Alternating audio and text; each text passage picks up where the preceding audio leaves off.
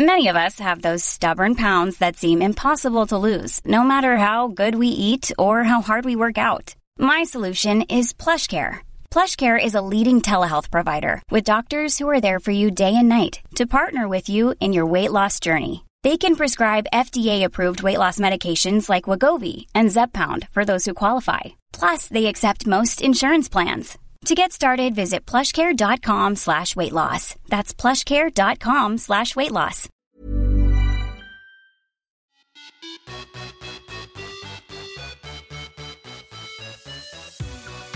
Hej Sara! Hej Josefin! Jag är lite nyfiken på att höra hur du mår med ditt ben som du pratade om förra veckan. Har det blivit bättre? Det är mycket bättre nu. Jag är på sista dagen på min antibiotikakur. Det ser ut fortfarande som att jag skulle ha ett typ gammalt blåmärke i knävecket men nu gör det inte ont längre. Så jag är så lättad. jag kommer inte behöva amputera mitt ben vilket ja, var lite överdrivet. ja, men, alltså, jag blev orolig på riktigt eh, sist ni pratade. Ja, men nu behöver varken du eller någon annan vara orolig längre. Det känns som att det, det är under kontroll, det är bättre. Sen tror jag, jag vet inte om det var borrelia, men oavsett så är det i alla fall bättre nu och jag är snart klar med den här antibiotikakuren. Oh, och ska Gud. börja träna lite mer då igen. Jag har mm. hållit mig ganska lugn nu för säkerhets skull. Mm. Vad skönt att höra. Men du har inte hållit dig lugn för jag Nej. såg dig swisha förbi på Tjejmilen. Ja, och jag såg dig där hejandes. ja. Jag stod faktiskt i början också. Jag såg inte det. Nej jag vet och jag bara sen efteråt jag bara men gud du måste ju ha kommit förbi där. Och, och då så jag filmade ganska mycket. Så jag gick tillbaka och gjorde detektivarbete på filmen. Aha. Och då så, ser jag att du passerar fast på andra sidan vägen. Så jag står på andra kanten. Ja, ja men just det. Och precis när du kommer ah. så kommer en av mina PT-klienter också. Så jag ropar ju på henne och bara kom igen Jenny, kom igen. Jag och då tror så ser, att jag så ser jag på filmen att du är på andra sidan gatan. Ja, för jag tror att jag såg en av dina stories så tror jag att jag såg mig själv springa bakom en lång tjej. Ja. Så jag syntes typ inte. Nej. så men sen haffade jag dig där 600 meter innan mål. Ja, oh shit. Ja, det var Berätta om mm. Eh, loppet. Jo men så här, jag var ju lite orolig innan om jag skulle kunna springa överhuvudtaget. I och med, inte för knäts skull, för det känns bra när jag springer nu.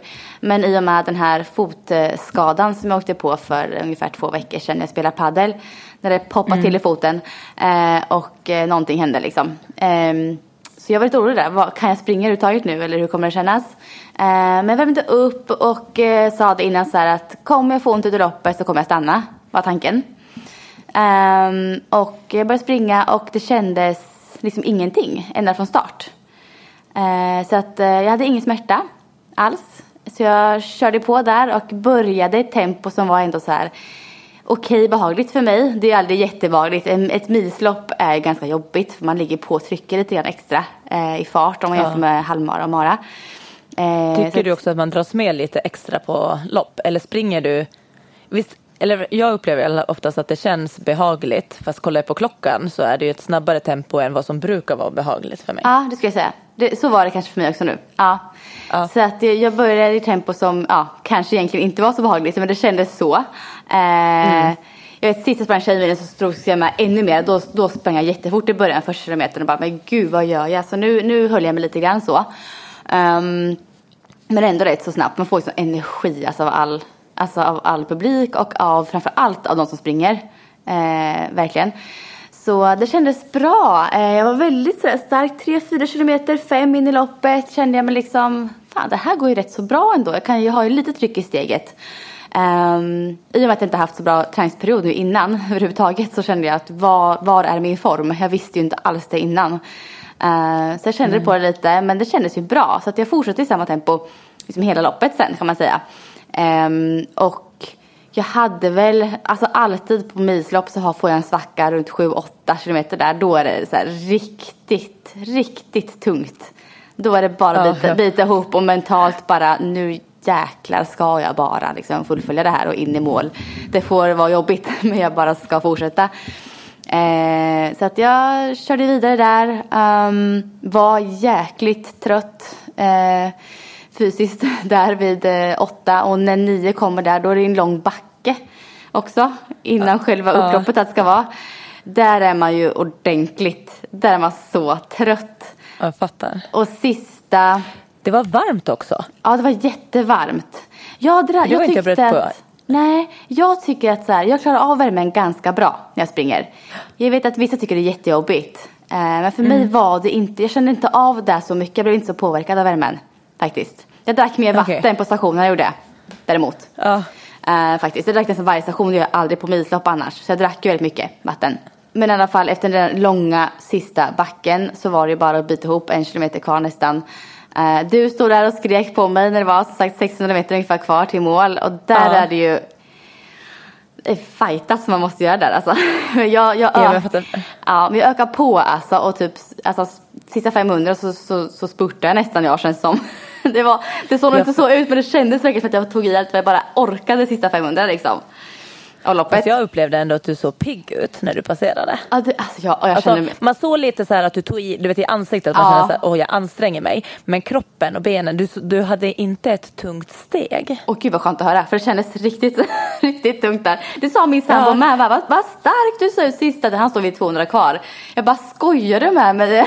Jag satt ner och bara så här, det var så trött i Ja, steget. nej, jag tyckte faktiskt att du sprang jättestarkt och sen, sen såg man i ansiktet att du, att du tog i och kämpade liksom sista. Mm. För att det var ju som sagt, det började vara upploppet nästan där vid mig. Ja.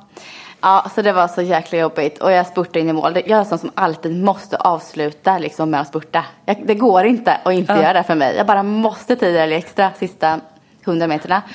Så in i mål, jag slängde mig på marken och chippade efter andan och var så trött. Det kom funktionär och hällde vatten på ansiktet på mig och såg att jag såg väldigt trött ut. bara, hur mår du? Jag Bara, ah, jag är så jäkla trött men jag mår bra.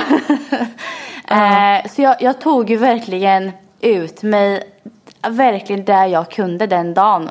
Alltså jag hade nog inte någon kraft kvar att ge alls.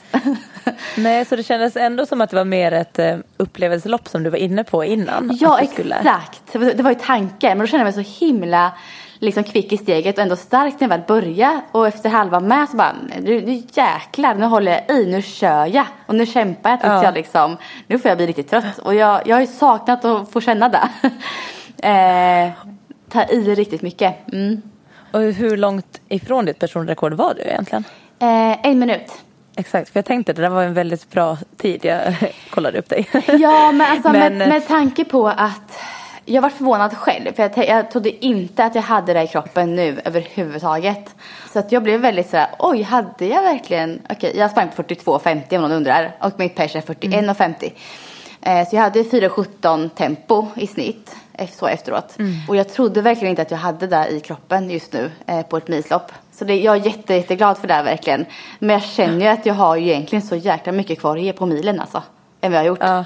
Det kände jag nu. Men jag, tänk, jag tänker det liksom att, eh, att det var svårt att förstå din form i och med att du som sagt inte har tränat alls så som du brukar göra. Mm. Men jag tänker att det här är ett ganska bra kvitto på att din form egentligen finns kvar. Ja. Trots att du har dragit ner mängden löpning. Mm. Och det tycker jag också att det är ganska intressant att man behöver inte alltid ligga på den där höga mängden för att bibehålla. Det exakt. Just för att bibehålla, det tror inte jag heller. Då klarar Nej, man sig liksom på ganska Exakt, relativt liten mängd ändå liksom för att hålla kvar.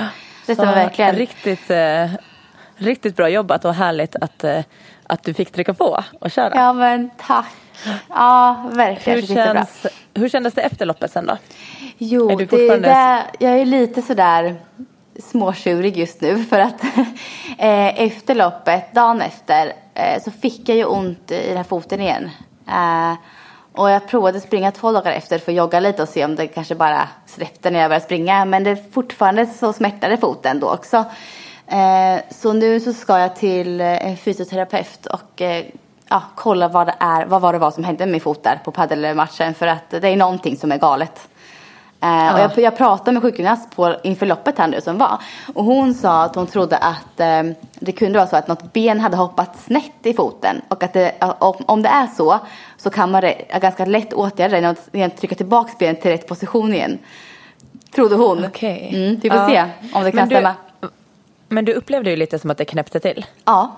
ja. För du sa ju att det kändes som att någonting gick av. Ja. Och sen tänkte vi, okej men det kanske inte är av för då kanske du inte hade kunnat springa på det. Nej. Så det där låter ju inte omöjligt. Nej jag vet, jag. det kan faktiskt vara så. Jag nästan hoppats på det. För hon sa att är det så så liksom är det lätt att fixa. Sa hon. Så Ja. jag bara, åh, hoppas att det kan vara något sånt.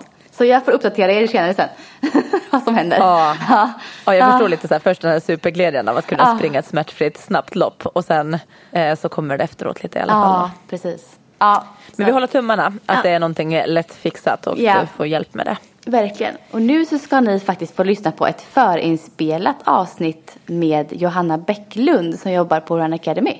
Yes, och hon var ju också med i helgen och sprang Tjejmilen och krigade sig till en fjärde plats. Yes. Och då kan man ändå säga att just nu är ju hon inte riktigt i milen toppform för att hon är ju faktiskt klar för VM i maraton. Så det här var ju ett litet kort lopp för henne.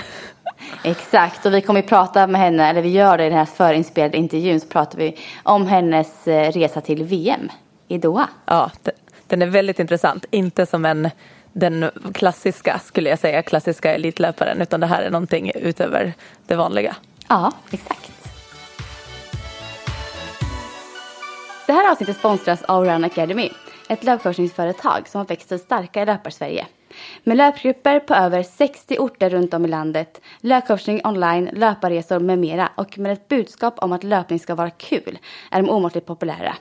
Vi är oerhört glada över att ha en av Run Academys medarbetare här idag och inte vilken medarbetare som helst utan VM-klara maratonlöparen Johanna Bäcklund. Välkommen hit! Tack så mycket. Jag har längtat efter det här avsnittet jättelänge. För förutom att du har så otroligt imponerande och intressant eh, resa som du ska få dela med dig av.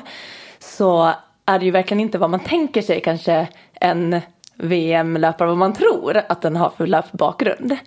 Så, och sen så är det ju faktiskt så att jag har haft koll på dig väldigt långt bak i tiden för vi kommer ju båda två från Åland. Ja. Yes, så vi har faktiskt till och med gått i samma skola hela vägen. Från hela grundskolan och gymnasiet. Kan vi minnas Johanna då? Från skolan? Jag minns henne, men du är två år äldre än mig. Ja. Eh, Så att vi har inte kanske umgås med samma vänner, men vi har ju vetat vem den Ja, andra man har är. vetat hela tiden vem. Ja, och Josefin, hör på det här. Vi har haft ett annat gemensamt intresse, Johanna och jag, under Vad är det? en karriär som lades ner ganska snabbt av oss båda två. Vi har nämligen spelat fiol i många år. wow! Så där har vi också hållit till. Gud vad roligt. Ja, för under den här tiden så höll Johanna inte på med friidrott så jag minns ju dig som eh, innebandykärjen och fioltjejen. Ja, men då blir man nyfiken på din så här, idrottsliga bakgrund. Var det innebandy först du började med? Eller hur, hur ser din ut- bakgrund ut idrottsmässigt? Alltså från allra första början så seglade jag faktiskt optimistjolle. Och det var min eh, pappa som eh, höll på med segling och hade stort intresse där. Så han tyckte att eh, det här ska ni testa på. Eh, Och man blev lite motvilligt tvingad till det först. Men jag tyckte det var ganska kul. Eh, redan från början. Och sen efter tog det rätt många år så började jag tävla i eh, optimistjollesegling. Det får man bara göra tills man är 15 år. Så jag åkte runt på rankingar som det heter, tävlingar i Finland. Eh, och var faktiskt med på Nordiska mästerskapen i Ah, optimistjollesegling. Och sen var jag på några nordiska läger och lite annat. Eh, men sen så slutade jag med det när jag var, inte längre fick segla op- optimistjolle. Okej. Eh, och eh, samtidigt i högstadiet så började jag med innebandy. Så då höll jag på med både innebandy och segling. Eh, och sen eh, hade jag även en kompis som eh, tränade med Sara. Yes, eh, som körde fri- friidrott. Och eh, jag tyckte att det var rätt roligt att hålla på med lite alla möjliga träningar. Så jag var med henne en del på gymmet när de körde sina träningar och jag försökte väl göra någonting jag med. Eh, och sen körde vi lite morgonjoggar tillsammans. Eh, och jag, när jag körde innebandy så höll jag också på med lite så här extra träning. Alltså var ute och sprang och gjorde lite andra saker. Åkte jättemycket rollerblades med min pappa. Eh, så vi åkte 15-16 kilometer kan det lätt bli. Oj. Eh, så Ja, men för du dök ju aldrig upp på friidrottsträningarna. Alltså, därför, eh, jag har ju växt upp bland friidrotten på, eh, på Åland under den här tiden. Och det var ju aldrig så att du var med och tränade. Men jag förstod att det var kanske för att det inte riktigt fanns eh, längre distanser som du redan kanske då skulle ha varit intresserad av? Alltså jag hade nog inte gjort mig så bra på de korta distanserna. Nej, så för vi var och det- mycket sprint och hopp Ja. den tiden. Eh, och det hade jag kanske inte stort intresse av heller. Och jag hade egentligen inte så stort intresse av löpning överhuvudtaget. Jag tyckte att det var liksom mer så här, ja men jag tyckte om att röra på mig eh, och träna. Och det, ganska tidigt. Och då blev det mer naturligt att liksom jogga för mig själv eller eh, ja, men, åka rollerblades med pappa som man kunde liksom Ja. ha sällskap och lite sådär. Men då blir man nyfiken på hur, hur kom löpningen in i ditt liv? Eh, egentligen var det nog så att eh, redan när jag spelade innebandy på Åland i gymnasiet så hade vi ju försäsongsträning. Och där var jag ju klart bäst. Alltså jag var inte lika bra med klubba och boll som jag var på försäsongsträningen. Du gillar fysen. jag gillar fysen. Så då sprang jag ifrån allihopa. Eh, och liksom, ja men, så jag var ju stark på planen, att, liksom löpmässigt. Och det blev även när jag flyttade till Uppsala och fortsatte med innebandy så var det ju liksom, min styrka var ju hela tiden att jag orkade hålla på hur länge som helst. Men jag blev mer frustrerad, frustrerad när jag fick sitta på bänken. Inte för att jag inte fick spela för att jag tyckte det var kul utan mer för att jag inte fick ett träningspass. Så då kände jag så här, äh, fan jag vill göra något annat efteråt för att jag kände att jag ville ändå ha träning. Eh, och eh, började väl eh, med liksom på sidan om innebandy, Vi jag kanske tränade tre gånger i veckan innebandy och hade lite matcher, så gick jag på gym. Det här, Eh, vänta, hur jag gammal var bara- du här? Exakt, det, Ah. för det här är ju efter Ja, gymnasiet. det är efter gymnasiet när jag flyttade till Uppsala. Så att det är ja, men från 19 år och uppåt. 1920 där. Ja, eh, ja men då körde jag spinning, mm, boxning, lite olika saker eh, på gymmet. Eh, och även sprang på löpband. Eh, och sen var det egentligen när jag, ja 2009 när jag var 24, eh, så la jag ner innebandyn för då kände jag att eh, det var inte så, på damsidan så är det ju tyvärr så att lagsporter så är vi inte jättemånga som var på träningar. Så det blev liksom inte så roliga träningar och då kände jag att "Mm, det här vill jag inte hålla på med, jag vill hellre göra något för min egen skull. Så det var då jag tänkte att nu måste jag göra något nytt. Och eh, anmälde mig till blodomloppet först i Uppsala. Stämmer det så att det var att din syster hade sprungit någon tid som du ville slå? Jag har hört att det var, var lite så det började. Ja, men hon hade sprungit lite motionslopp Ja. och hon hade sprungit på runt 45 tror jag. Så att hon var liksom inte så här jättedålig men jag tänkte det borde jag kunna slå. Eh, så det var lite så här, ja men nu ska jag se hur bra. Eh, och då i Uppsala sprang jag på 42 minuter. Eh, Ja. På blodomloppet. Och då tänkte jag så här, ja okej men nu, nu måste jag göra någonting nytt. Det var ditt första milslopp Ja det var mitt första som du milslopp. springer på 42. Eh, och då så här, anmälde jag mig till Tjejmilen och sen anmälde jag mig till Stockholm halvmara. Samma år. Så det var, och eh, på Stockholm så sprang jag på 1.32 tror jag det var. Ja, Ja. första Eh, halvmaran. Ja, första halvmaran. Började du inse här så här, att det här var riktigt bra tider? Eller hur, vad gick tankarna där när du liksom hade sprungit första loppen? Alltså jag tror att jag var på plats 40 kanske på Tjejmilen. Så det kändes ju ganska häftigt att ändå kunna placera sig så högt med tanke på hur många som deltar. Eh, men jag hade inte så mycket mer tankar än att jag men, tyckte det var kul att jag kanske skulle fortsätta. Så, sen eh, var, sprang jag även på Åland, eh, alltså, halvmaran där. I oktober, november gick den. Eh, och då var det en eh, bekant till mina föräldrar som eh, frågade pappa om jag hade någon tränare och tipsa om Mikael Nordblom. Eh, som ju då började hjälpa mig från Är det honom du har fortfarande 2010. nu? Nej, nu är jag Christian Munt som tränare.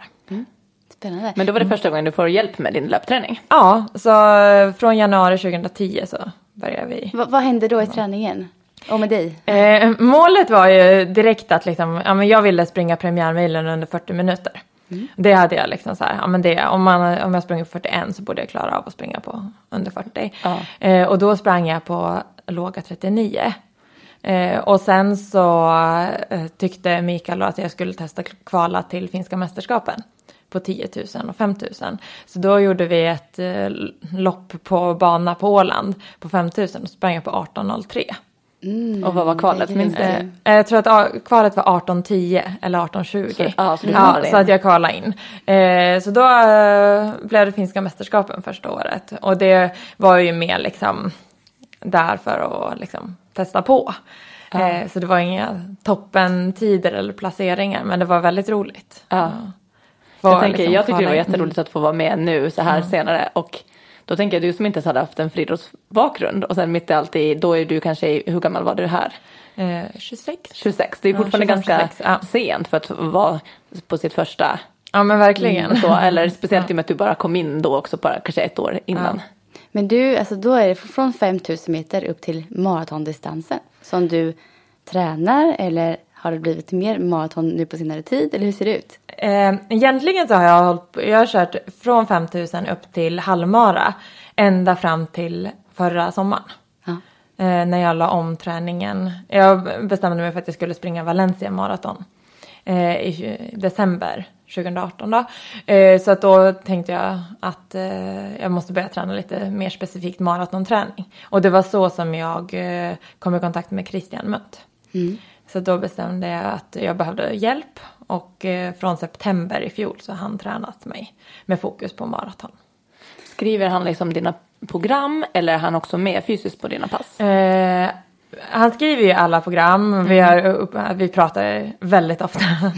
alltså vi har ju kontakt i princip dagligen. Och sen så är han med. Eh, inför Stockholm var han med på, mellan Hamburg och Stockholm var han med på alla mina kvalitetspass. På cykel. Eh, och annars har vi varit lite så här sporadiskt med. Men ofta med på kvalitetspass. På cykel och Och både Hamburg och Stockholm gick ju väldigt bra. Ja. Vill, du- berätta mera? ja men det var, eh, Hamburg var ju liksom, då kände jag eh, efter Valencia så kände jag att jag hade mer att ge. Jag ville, målet först med Valencia var att springa under 2.45. Eh, och, men träningen gick väldigt bra under hösten och eh, Christian sa ganska fort så här, ja, men under, jag tror att du kan göra under 2.40. Men med två barn som blir sjuka en vecka innan och eh, jag kände här, på tisdagen, loppet skulle gå på söndagen, att jag har ont i halsen. Nej. och kände bara så här, nej det här får inte hända. Liksom, jag har tränat för det här i ett halvår och bara lagt ner allt. Ehm, och, så att eh, torsdagen och fredagen gick jag och snöt mig säkert hundra gånger. Och kände, ja men vi får se om det går att, att springa. Men det kändes ändå lite bättre på lördagen och sen så på söndag morgon så bestämde jag mig för att jag i alla fall skulle starta. Och eh, det gick ju bra. Eh, men jag, tog, jag blev trött fort. Alltså har man haft någonting, jag var inte, kände mig inte sjuk men eh, har man haft någonting så, så blir man ju liksom Lite sänkt liksom lite i sänkt kroppen. och i kroppen så man orkar inte riktigt. Så att eh, första halvan gick bra, andra halvan gick mindre bra. Så jag var, men jag sprang på 2.39 så att det var ju liksom Mm. Eh, en väldigt bra tid och långt över mina förväntningar från början. Så att det kändes bra. Men sen så trappade vi upp träningen ännu mer. Då hade jag kanske legat inför det på 13-14 mil i veckan. Och från januari så låg vi på 17 mil. Oj. Mellan Åh, 16 och jäklar. 17 mil. Ja. Ända fram till Hamburg med väldigt många bra pass. Så jag kände att jag var väldigt bra tränad inför det. Eh, och eh, att jag nog skulle liksom, ja, men kunna göra en bra tid. Sen var kanske inte fokus på att klara VM-kvaltiden utan det var mer så här, ja, men hur bra kan jag- hur bra kan jag göra? Eh, så det kändes ju jättekul att kunna göra 2.35 och klara VM-kvaltiden. Eh, men jag kände ändå att jag hade mer att ge just eh, då liksom i träningen. Var kanske inte optimala förhållanden men det blir det ju aldrig. Nej. Alltså det, det kan man ju aldrig leta efter. Eh, och så jag hade lite otur med vätska så blev jag av med tre av mina åtta vätskestationer som hade trillat ner och funktionärerna fick inte lyfta upp dem. Eh, så det var lite sånt. Eh, och eh, sprang, blev ganska mycket ensam för de hade eh, eliten startade först och sen var det, hade de, släppte de inte på de andra före 20-30 sekunder efter.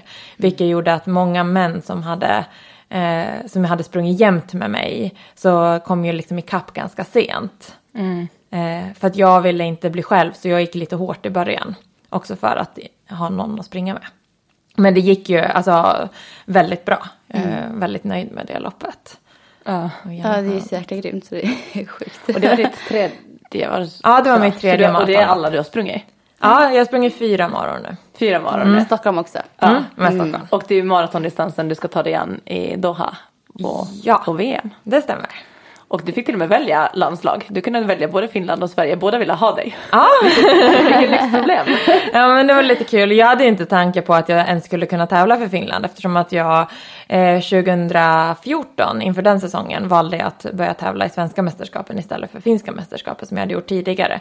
Och det var när jag hade fått mitt första barn och jag insåg att det är ganska jobbigt att sitta och åka till Finland hela tiden. Eh, och att man tävlar ju ändå på alla lopp i Sverige kändes lite kul att också springa för Sverige. Eh, men så kontaktade de mig efter Hamburg på måndagen direkt där och liksom undrade hur jag tänkte och att jag hade liksom, ja men det var ju en till finska som kom bara några sekunder före mig i Hamburg. Så att eh, det var ju hon och jag som hade de bästa tiderna i Finland. Ja. Eh, Men då, och då visste inte jag om jag hade en plats i Sverige eftersom att det var redan tre som hade gjort snabbare tid än vad jag hade. och de tar bara ut tre. Eh, Så att jag chansade och sa tacka nej till Finland. Eh, Och sa att ja, men, blir det så blir det för Sverige. Och det var mer för att jag kände att för mig är det moraliskt också att om man håller på och tävlar i Sverige och valt att springa svenska mästerskapen då kändes det inte så bara, ja men nu ska jag välja finska bara för att jag har en säker plats. Utan då var det så här, okej men då får vi se hur det blir. Och det är ju så att samma år får man ju inte springa svenska mästerskapen och finska mästerskapen. Men däremot är det när det kommer till landslag, där får du ju, har jag förstått, då kan du springa ett SM och ändå vara med i finska landslaget. Så det är lite olika. Men Ja, precis. Du kan, precis. Du kan springa Ja. svenska mästerskapen men tävla för Ja. ett annat landslag. Men det blir ju lite konstigt om man inte har varit och sprungit finska mästerskapen på flera år kanske. Nej, det skulle jag inte känna. Alltså jag tyckte inte att det kändes eh, bra. Nej. Så att därför valde jag tacka nej. Men hur känns det nu att representera Sverige i VM? Alltså hur, hur går tankarna inför VM? Det känns väldigt roligt och inspirerande. Alltså det är en väldigt spännande resa. Att eh, all träning, liksom, man har ett tydligt mål och att man, bara på liksom, ett års specifik maratonträning ändå kunna ta, ta sig till VM. Det känns superhäftigt. Eh, sen är jag en prestationsmänniska så att jag vill ju inte bara vara där för att se och lära utan jag vill vara där för att göra mitt optimalaste lopp. Eh, så att det är ju, fokus ligger ju nu på att liksom förbereda mig på bästa sätt. Och jag har fått eh, springa på löpband i underställströjor, basta innan, Det har vi sett på Instagram. innan löpband och sådär. Alltså bara för att eh, få träna på eh, förutsättningar som kommer vara när det är väldigt hög luftfuktighet där och ändå runt 25-30 grader. Eh, sen fick jag också springa efter midnattsloppet 20 kilometer till i lördags. Jag tänkte det, för visst är det så att loppet kommer gå väldigt sent? Eller vad tid? Alltså på natten? Ja, det kommer gå 23.59 är starten. Ja, är det för att få ner Lokal tid alltså? temperaturen? Ja, lokaltid. Det är för att få ner temperaturen Ja. och inte ha liksom gassande sol. Så det är ett väldigt speciellt upplägg. Ja. Både värme och en tid på dygnet man kanske inte är van att prestera. Nej. Men jag gillar att ni då faktiskt gör så att du springer efter, tjej, efter midnattsloppet och i det här värmen och bastu och underställ. För att då har man ju verkligen förberett sig så gott man kan. Ja men precis. Så man får ju, och sen kommer jag vara eh, på plats i eh, Doha tio dagar innan. Och det är bra. Och det det känns. Ja, förstår det. Du har ju berättat lite nu om hur du tränar, alltså speciella pass du har inför VM. Men hur kan en eh, träningsvecka se ut? Eh, jag, ofta så kör jag dubbla pass eh, de flesta dagar utom de dagar jag kör långpass eller kvalitetspass. Eh, och då är det dubbla distans som kan vara mellan från 20 upp till 30 kilometer på en dag. Eh, så jag kör eh, dubbelpass på måndagar, tisdagar har det blivit kvalitet eh, där det är ofta lite längre intervaller. Eh, kan vara 5 gånger 3 kilometer i marafart med en kilometer eh, jogg emellan som inte ska vara allt för långsam. Och uppvärmning och så, så ett pass där, kvalitetspass kan landa på kanske 27 till 30 kilometer. Och för den som inte är jätteinsatt idag, när du säger kvalitetspass, är det då att det ska vara så likt tävlingen som möjligt? Eller vad är det som du benämner med ett kvalitetspass? Ja men då är det ju snabbare tempo som då kör jag i marafart. Eh, vi jobbar väldigt mycket utefter marafart och sen kan det vara liksom att man springer i högre tempo än marafart eller att man springer då eh, en viss procent av ens marafart men ändå liksom inte långsamt. Utan, Och vad är din marafart? eh, ja men det har ju pendlat lite beroende på eh, hur hur formen är och var man ligger i träning och sådär. Men eh, ofta brukar jag landa någonstans mellan eh, runt 3.40 fart. 3.40. Mm. Ifall att någon vill testa på. Jäklar, det är Att snabbt känna på alltså. hur länge man orkar springa i den farten. Det, det är sjukt snabbt. Ja. Eh, och sen så mm, blir det dubbla distanspass, ofta onsdag, torsdag.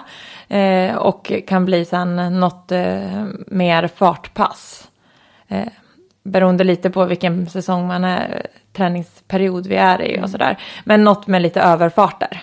Men de passen landar också på rätt stor mängd träning. Men då kan jag få ståvila istället för joggvila mellan intervaller och försöka springa då snabbare än marafart beroende på hur långa de är.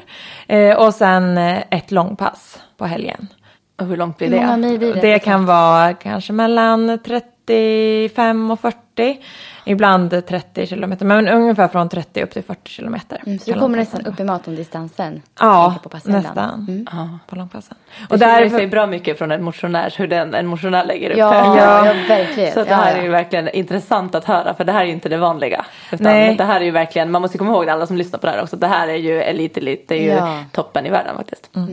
ja men då är det ju, alltså just långpassen, vi har ju jobbat mycket med att de inte alltid är lugna utan långpassen kan ju vara rätt hög fart också. Så jag sprang i våras ett pass inför Hamburg när jag körde 40 kilometer i 3.45 fart. Det var nog det bland det tuffaste. Då fick jag, hade jag med mig Christian och min tränare på cykel och eh, en eh, tjej Caroline Almqvist som också är löpare men som var skadad just då. Men hon var också med på cykel. Så jag hade vätskelangning och jag hade eh, lite hjälp men eh, liksom, ändå fick springa. Och det är ju ja, svårt att liksom prestera när man inte tävlar också. Ja. Mycket svårare att springa snabbt då. Ja, ja men så är det ju. Eh, så att det, men det var väl kanske bland de tuffare passen. Annars kan ju långpassen gå långsammare också såklart. Ja. Kan inte alltid ligga. Men har du tappat upp den här mängden löpning? För det känns som att det är ganska mycket så här om man inte jättevan löpare så är det väldigt mycket skaderisker tänker man ju direkt när man hör den här mängden du tränar. Har du tappat upp långsamt? Successivt? Eh, det så sett ut? eftersom att jag har hållit på med löpning sedan 2010 nu med en del uppehåll för graviditeter eh, så har det ju ändå varit så att jag har liksom, då har jag kanske legat från början på 6-7 mil Mm. och sen trappade jag upp så jag låg på 9-10 mil och sen förra hösten så låg jag på 13-14 och det är ju nu efter nio år som jag har legat alltså, på 16-17 mil Mm. i veckan. Så att jag tror att min kropp har ju ändå liksom vant sig successivt alltså, och hållit på länge nu med löpning. Så man är ganska, just det att man liksom inte bara går pang på. Jag kör du även kompletterande styrketräning och sådana grejer? Eh, en del styrka i vissa perioder.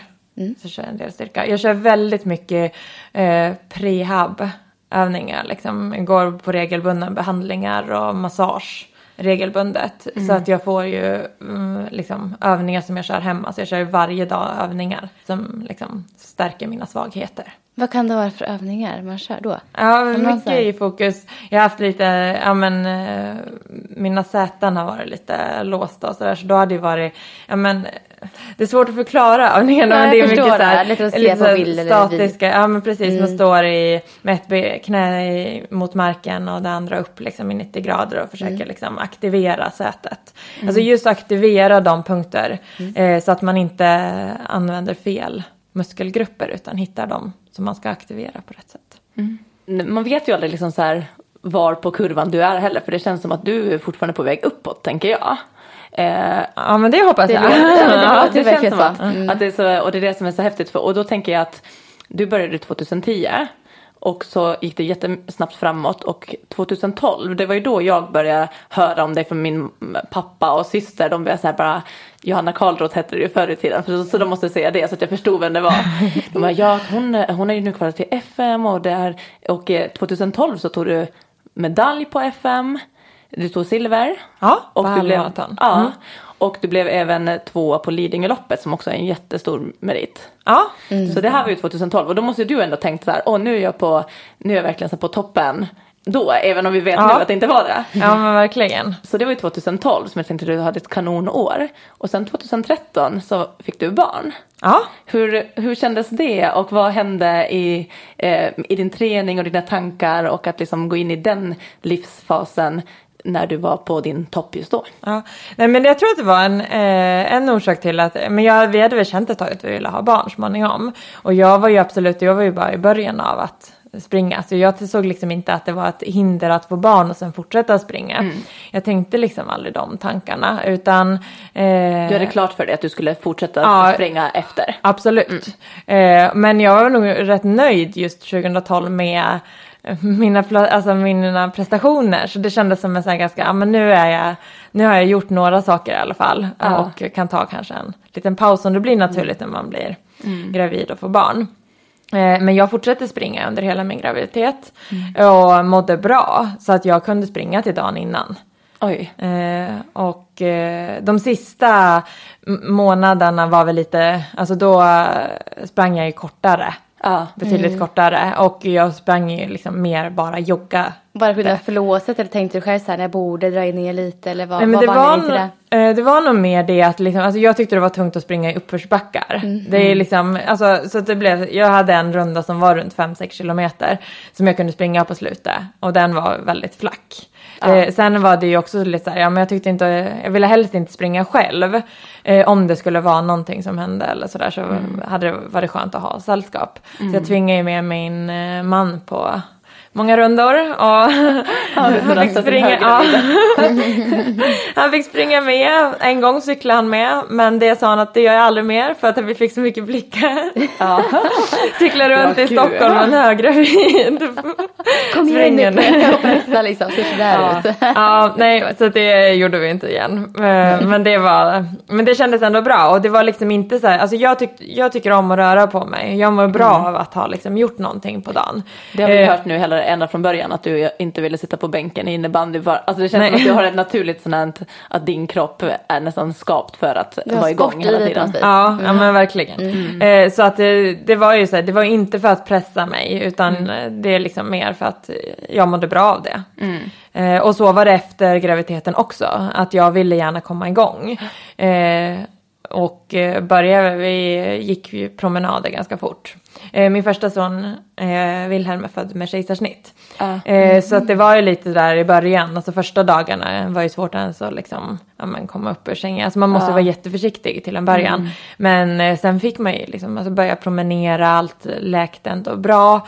Och eh, jag kunde liksom börja springa efter fyra veckor. Oj, Lite grann. jättetidigt. Eh, så det var ju, och då samma sak där, jag trappade upp det väldigt långsamt. Var jätteförsiktig och verkligen så här, ja men kände efter, det var väldigt korta rundor till en början. Men då hade ju min kropp ändå varit van att springa under hela graviditeten. Så jag tror att det också gör mycket.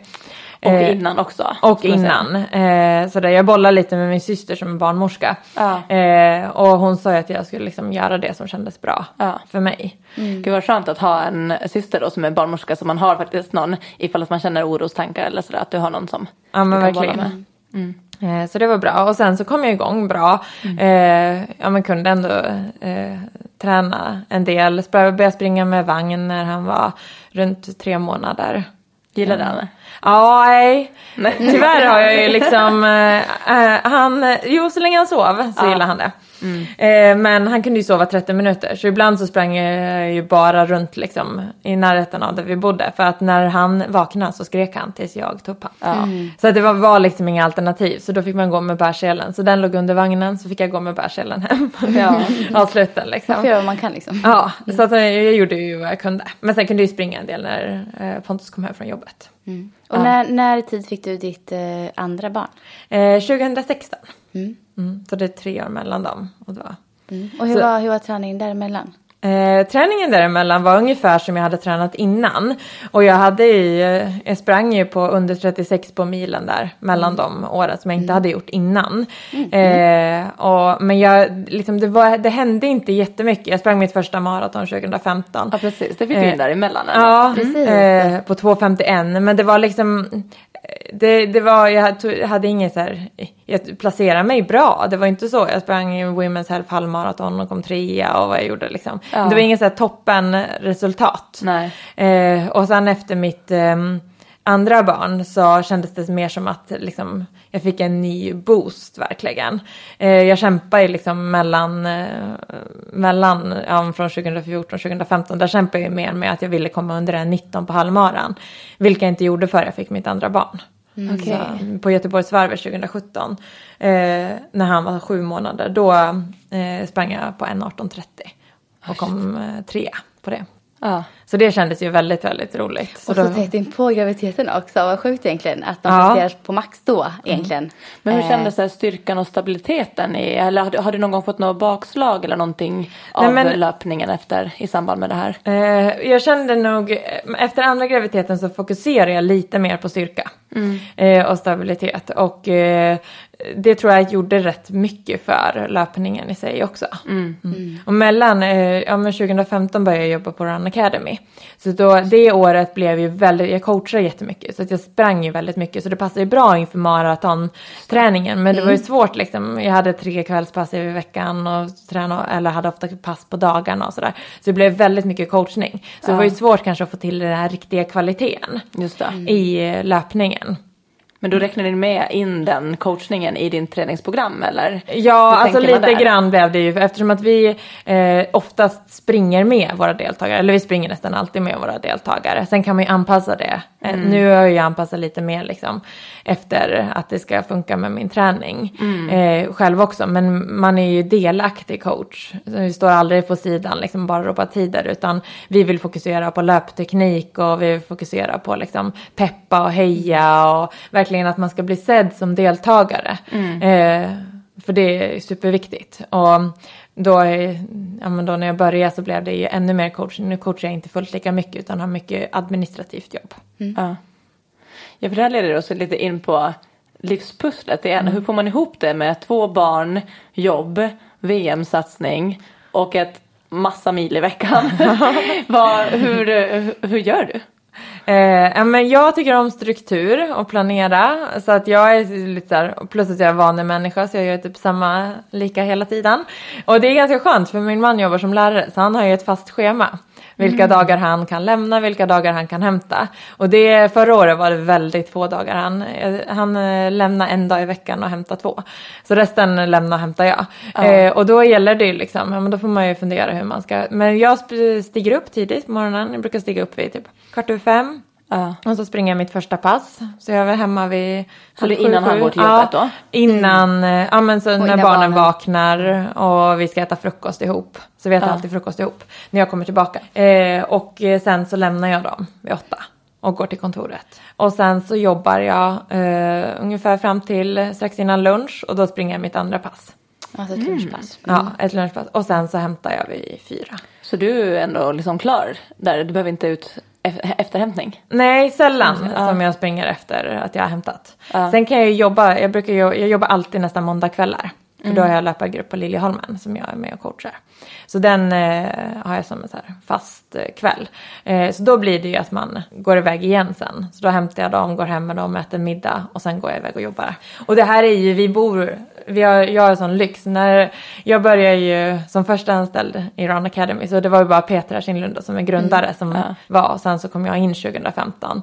Eh, och ganska snabbt sen så behövde vi utöka och ha fått fler och fler anställda och hitta nya lokaler. Och Petra bodde, hade själv, bodde själv på Liljeholmskajen eh, då och trivdes väldigt bra men hade sålt sin lägenhet och flyttat till annat. Eh, så att eh, hon hittade ju lokal på Liljeholmskajen. Vilket eh, blev klart efter mitt andra barn. Så när jag kom tillbaka efter föräldraledigheten så hade de flyttat in i den lokalen. Så nu jobbar jag 600 meter från, Från- eh, där jag bor. Mm, Så praktiskt. Ja, så att eh, det är ju lyx i sig liksom. Och sen är förskolan Ja. också Och sen har vi Du förskolan. slipper ju pendlingsavståndet och den tiden som tar. Ja, Verkligen. eh, så att där Det har är vi ju inte vanligt i Stockholm. Nej, det är verkligen inte vanligt. Så nu har jag ju, nu har jag ju kommit till en ny punkt i livet när man ska lämna på två olika ställen. Så det blir ju en lite mer utmaning. när Den äldre börjar skolan och den, men vi har skolan som ligger inte ens 100 meter från där vi bor. Och sen är dagis nere vid kontoret. Ja. Så att det är ju fortfarande så här, det är ju bara att ta vägen ner. Men vad skönt att det underlättar massor för dig i din träning. Ja, det underlättar supermycket. Sen jobbar inte jag fulltid. Alltså jag har valt att jobba 80% och det är för att jag vill inte att tiden eh, ska gå ut över barnen. Så att då är det så här, ja, men jag kan, de har ungefär normal långa som en annan som jobbar heltid. Bara det att jag tränar då Ja. 20% i veckan liksom. Ja. Just det. Kan jag lägga på träning under dagtid. Ja, för det låter så här, på, på dig känns det som att det, ja men där känns ganska rimligt. Ja. Men Du känns sen, ju inte stressad över det tänker jag. Nej, det är jag verkligen inte. Sen är det ju så här, ja, men det är svårt att hitta tid till träffa vänner och sådana Ja. saker. Eh, men det är ju svårt, alltså, det är svårt för alla när man har barn Ja, att och- hinna göra det. Och alla elitidrottare också tänker jag. Ja. Hur- och du har då både ja, och. Precis. Och hur är det så här med sjukdomar tänker jag, när det härjar mycket? Blir du så här rädd för att träffa folk då? Eh, ja, men vi undvik, jag undviker lite att, att men det är många eh, folk kommer, ja, men precis, Ja. att folk kommer hem till oss eller att vi går till folk som är sjuka. Eh, speciellt inför eh, viktiga tävlingar. Sen är det ju, alltså det går inte att vara nojig hela tiden. Alltså går det magsjuka eller vad den har gått på förskolan så har ju vi lämnat dit våra barn ändå. Ja, det var det jag Alltså, tänkte. vi Om man kan inte- den här lappen, så Ja. kräksjuka, Ja, då... man är ju så här, kanske inte jättenöjd över det men samtidigt så är det, så- det är svårt att ha Ja. barnen hemma utan då får man ju ta den smällen när det kommer. Eh, sen brukar eh, min man få vabba. Ja. alltså så här, alltså de, är, de ligger ändå tätt in på mig men eh, det brukar, ja men vi brukar pussla lite men han brukar få ta Men han är ju ganska stor del i pusslet också tänker jag, liksom att, eh, Ja absolut. att få, få ihop alltihopa. Ja.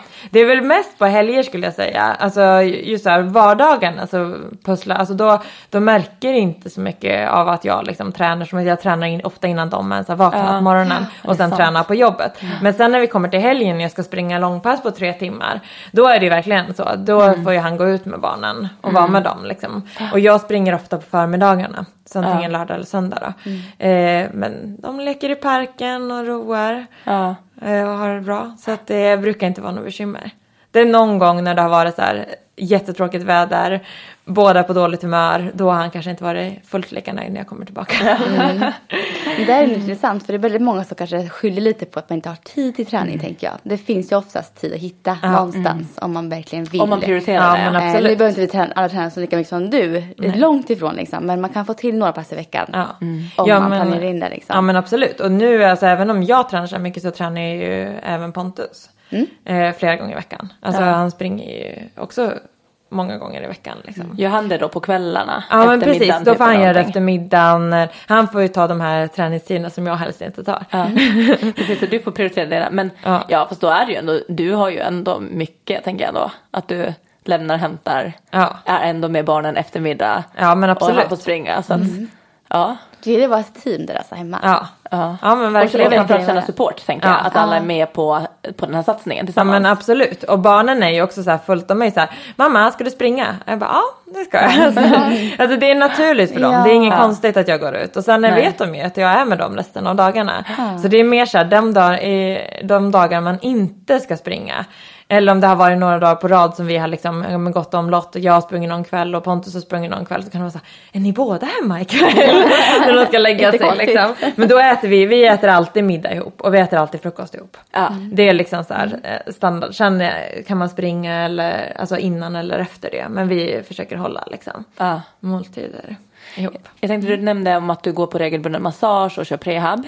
Eh, hur, jag tänker som med kost och sömn när du ändå tränar den här mängden och om du stiger upp fem. När går du och lägger dig på kvällarna? Alltså jag går och lägger mig tidigt. Jag går och lägger mig mellan 9 och 10. Ja. Eh, Så att oftast försöker vi få barnen i säng vid åtta. Så att man ska få sitta ner. Annars kan man bli lite frustrerad att inte hinna få varva ner innan man själv ska gå och lägga sig. Ja. Det är rätt skönt att bara få sätta sig ner i soffan för sig själv en stund. Eh, Men jag försöker gå och lägga mig mellan 9 och 10. Så att jag ska sova ungefär 7,5 till 8 timmar per natt. Mm, så får du ändå tillräckligt många timmar Ja. att sova. Mm. Sen har vi haft eh, vårt andra barn, eh, Alfons, han har hatat att sova. Så att han, eh, det tog liksom ett och ett halvt år innan han ens sov mer än två timmar i sträck. På natten. Du var där då mitt i... Eh, ja men det var ju tufft men samtidigt så var det så här, jag fokuserar på att okej jag ska ligga i sängen. Sen om man liksom var uppe tre, fyra gånger per natt så var det ändå liksom fokus, okej jag har legat i sängen i åtta timmar. Eh, så att man, jag försökte att inte stressa mig över det.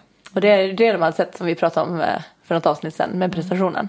Att det är ju inte, det är svårt att påverka hur mycket man sover. Ja. Men man kan faktiskt påverka med att ligga i sängen en längre tid. vila, för att öka liksom. prestationen. Ja. Ja men jag tror på det. jag tror att det. Och då vet man i alla fall också själv när man ligger där att jag gör vad jag kan. Ja, Så för det är ju så samma sak om man har svårt att somna.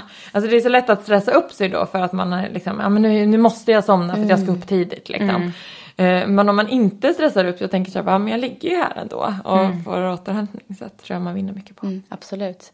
Och uh, kostmässigt, Hur, är det speciellt du äter eller liksom äter du det mesta? Och Hur får du i dig den energi du behöver? Precis, du behöver. Alltså det, det är kanske den svåraste biten. Att veta att man liksom hela tiden får i sig.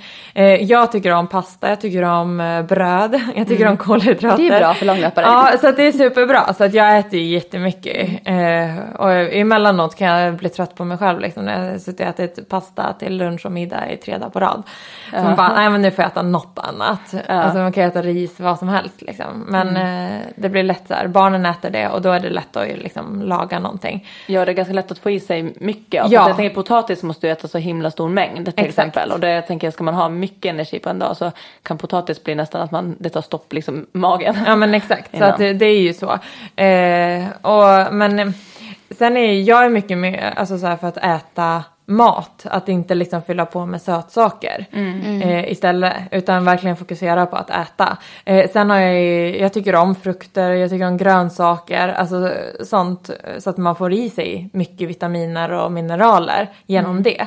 Men jag har verkligen inte, jag äter inga, inga till, alltså kosttillskott eller sådana saker alls, utan jag äter vanlig mat. Jag har inga dieter eller sådana saker. Utan jag kan lätt unna mig choklad eller på helgen om jag vill ha det. Jag tycker inte så mycket om så här, sötsaker överlag. Jag tycker om choklad och det äter jag. Ja. Eh, men annars så är jag inte så här, alltså jag tar hellre en smörgås än en bulle. Men det är inte för att jag inte, för att jag ska tänka på att jag inte ska äta socker eller tänka på vad jag är, utan det är mer för att jag tycker det är godare. Ja. Mm. Men jag kan ju, alltså fikar vi med några kompisar, det är klart att jag äter fika. Ja. Men så egentligen handlar det mer bara att få i sig tillräckligt mycket energi för dig. Ja, För att orka prestera ja. och träna den mängd. Absolut. Och nu är det också så att imorgon så börjar ju faktiskt löpgrupperna igen för Run Academy runt om i Sverige. Ja. Eh, och vad, vad har du för roll i Run Academy? Eh, jag jobbar som eh, projektansvarig för löpargrupperna skulle man kunna säga. Eh, så jag ser till att vi har platschefer på alla orter, ledare på alla orter. Eh, Även passbeskrivning jobbar jag fram. Så att eh, jag och Petra tillsammans brukar sätta program och sen bollar vi det med övriga på kontoret. Och sen gör jag själva detaljplaneringarna av passen. Så förklara för ledarna i film vad de ska göra så att det blir verkligen ett helhetskoncept. Så alla gör exakt samma sak oberoende om du tränar i Kiruna eller Malmö eller i Linköping så gör du exakt samma pass samma vecka.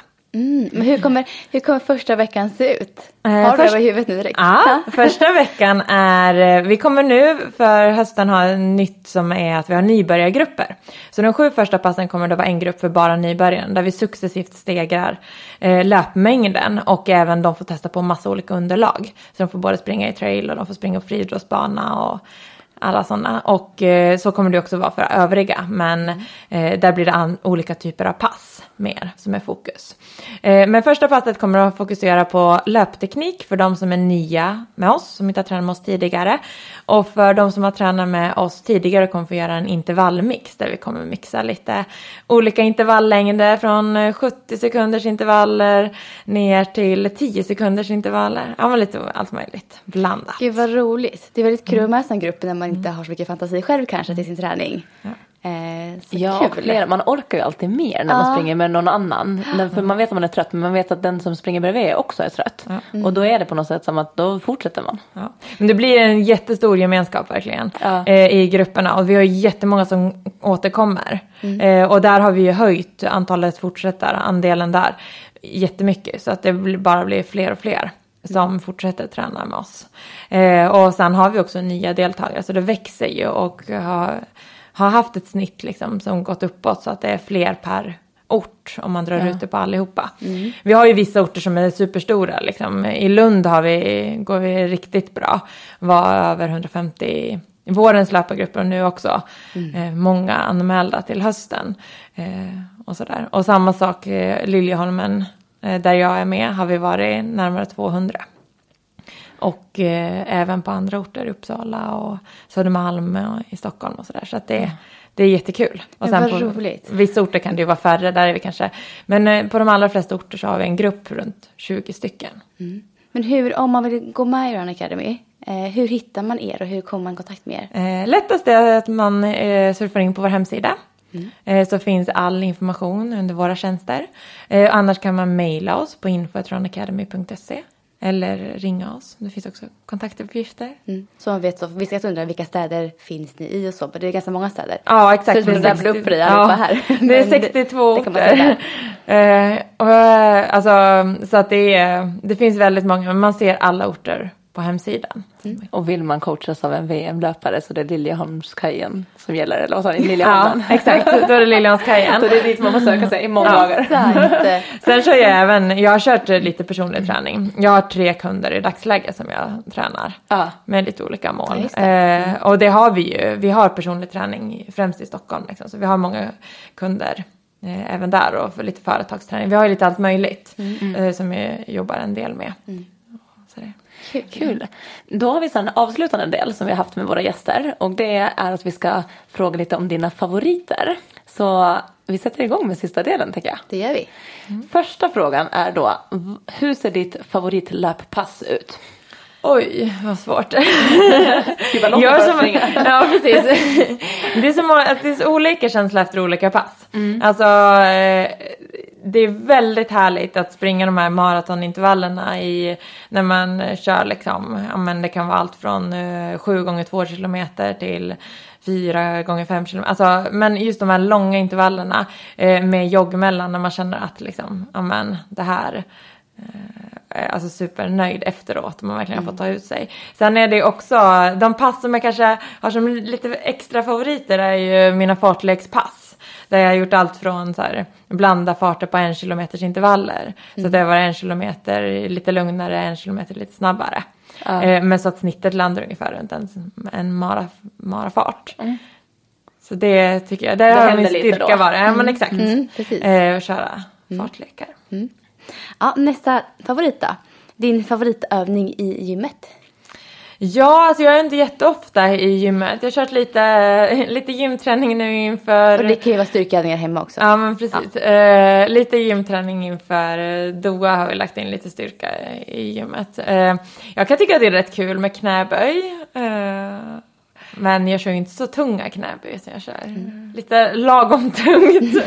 Men den här perioden då, det är liksom precis i din försäsong? ja, Eller alltså efter dina, ja men din precis. största tävling, lite vila och sen? Ja, exakt. Så att man eh, bygger lite eh, grundträning. Så har man lite styrka. Men då kan jag tycka, men jag tycker om gymträning. Men jag, nu är det mer så jag har svårt att vila mellan övningarna. Jag vill ju gärna att det ska liksom hända något hela tiden. Ja. Jag förstår varför du är elit i ditt tänk. Eh, favoritdistans då? Alltså, jag har ju alltid sagt så här, när jag började med löpning så var det ju längre desto bättre. Och då var ju halvmara den som var liksom lång, alltså den längsta jag sprang. Eh, och det blev ju liksom bättre, man såg ju ganska snabbt att Lidingöloppet var bra. Och även nu då maraton, jag börjar satsa lite på det. Alltså jag tycker maraton har en speciell, alltså det är väldigt speciellt. Det är aldrig liksom, aldrig man kan inte veta före, för det händer så himla mycket under ett maraton. Så det är en väldigt speciell känsla och det är en, alltså just att få gå i mål efter ett maraton är superhäftigt. Eh, samtidigt som jag gillar halvmara när man får trycka på lite och det inte är fullt lika långt. Liksom. Men jag skulle säga just nu är det maraton, helt klart. Tror du att du kommer att börja ta det mot ännu längre? Eller, vill, eller är det mer de här, med, för maraton är väl den som är så här mästerskapsdistansen Ja. som är längsta Ja. på VM och sånt? Det finns ju VM i ultralöpning och, och traillöpning och allt möjligt. Men då är det utanför friidrotts Ja, då är det utanför utanför friidrotten då i så fall. Nej, alltså jag kommer hålla mig till de distanser. Jag Ja. kommer inte springa ultra. Säger jag nu. Se nu. Ja, det som händer i framtiden. Mm. Eh, vilket är ditt favoritlopp som du har sprungit? Eller tävling liksom om du tänker. Ja, men jag tycker att... Eh, alltså, Göteborgsvarvet har jag haft en, en speciell känsla inför. Det har liksom alltid gått väldigt bra på Göteborgsvarvet. Eh, jag, alltså, 2012 så slog jag pers där med 19-16 som sen höll sig hela vägen till 2017 när jag slog pers igen på Göteborgsvarvet. Så att det, det har varit ett speciellt lopp. Eh, Och det är ja, ett ganska tufft lopp ändå Ja. att persa på Ja, jag. Ja. men verkligen. Men det har liksom, den banan har gått väldigt bra för mig. Och eh, sen har jag både SM-brons och SM-silver därifrån. Eh, 2017 och 2018. Så att det är, ja men jag skulle säga Göteborgsvarvet är något speciellt. Eh, och då har vi nästa som är, vilken är din favoritpepplåt? Har du någon sån som du taggar till till eller? alltså jag lyssnar ju på en del, jag brukar ha en så här, träningslista på Spotify som jag brukar lyssna på emellanåt. Eh, det är mer så att det är min man som har eh, musiken hemma så jag brukar lyssna på det. Han tar fram och så bara, ja men den här låten kan jag tycka är rätt bra. Eh, nu har jag lyssnat extremt mycket på Ut i natten med Avantgardet. Mm. Eh, det tycker jag är, men det är mer så jag, jag gillar. Sen, man kan sjunga med lite, ja, ja. tyst för sig själv. Mm. Jag gillar också låtar som jag kan, liksom, ja. så man kan texten till eller ja, så känner man. det. Sen brukar jag ju lyssna på um, Eye of the Tiger med Tina Turner eller något. Alltså bara för att få det så här riktigt. Power. Ja men exakt, få mm. mycket power. Men jag skulle säga avantgarde som är ute i natten. Mm. Mm. Nästa favorit då? Din favoritsyssla när du inte tränar? Har du någon sån? det, var, det, det var lite roligt. det var rätt kul. Eh, jag blev intervjuad av Ålandstidningen i somras och sa, ja men vad gör du annat än liksom? Och då tänkte jag bara så här, ja vad gör vi annat? Ja men vi solar och badar typ hela ja. somrarna. Ja, eh, ja, men, lugnt. Ja, alltså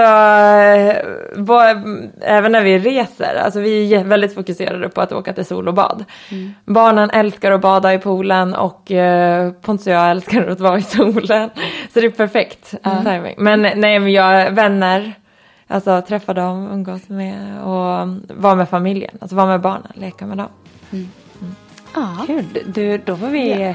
ta och önska dig stort lycka till på VM. Verkligen lycka till. Det Stort tack. är den 27 september som mm. du kommer att springa. Ja. Så att då får vi hålla utkik efter den blågula dräkten och heja fram dig. Ja, det får vi verkligen. Tack för att du kom hit. Tack själv för att du fick komma. Ingen vet var ni ska gå Huvudet wobblar men aldrig över ytan så ett på djupet neverending slag när era radiostyrda röster ömsint kittlar min fantasi. Flipper spelar sönder impulserna för mitt självbedrägeri. När ni skjuter ut i natten finns det inget av mig kvar. Alla döda ögonskratten, bara vatten minns vem som var. När ni cementerar kvällen är det utan min frenesi Den insomnade eternellen.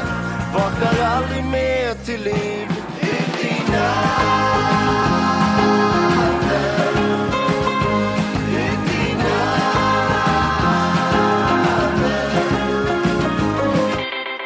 Producerat av Runners World Ever catch yourself eating the same flavorless dinner three days in a row? Dreaming of something better? Well, HelloFresh is your guilt-free dream come true, baby. It's me, Gigi Palmer.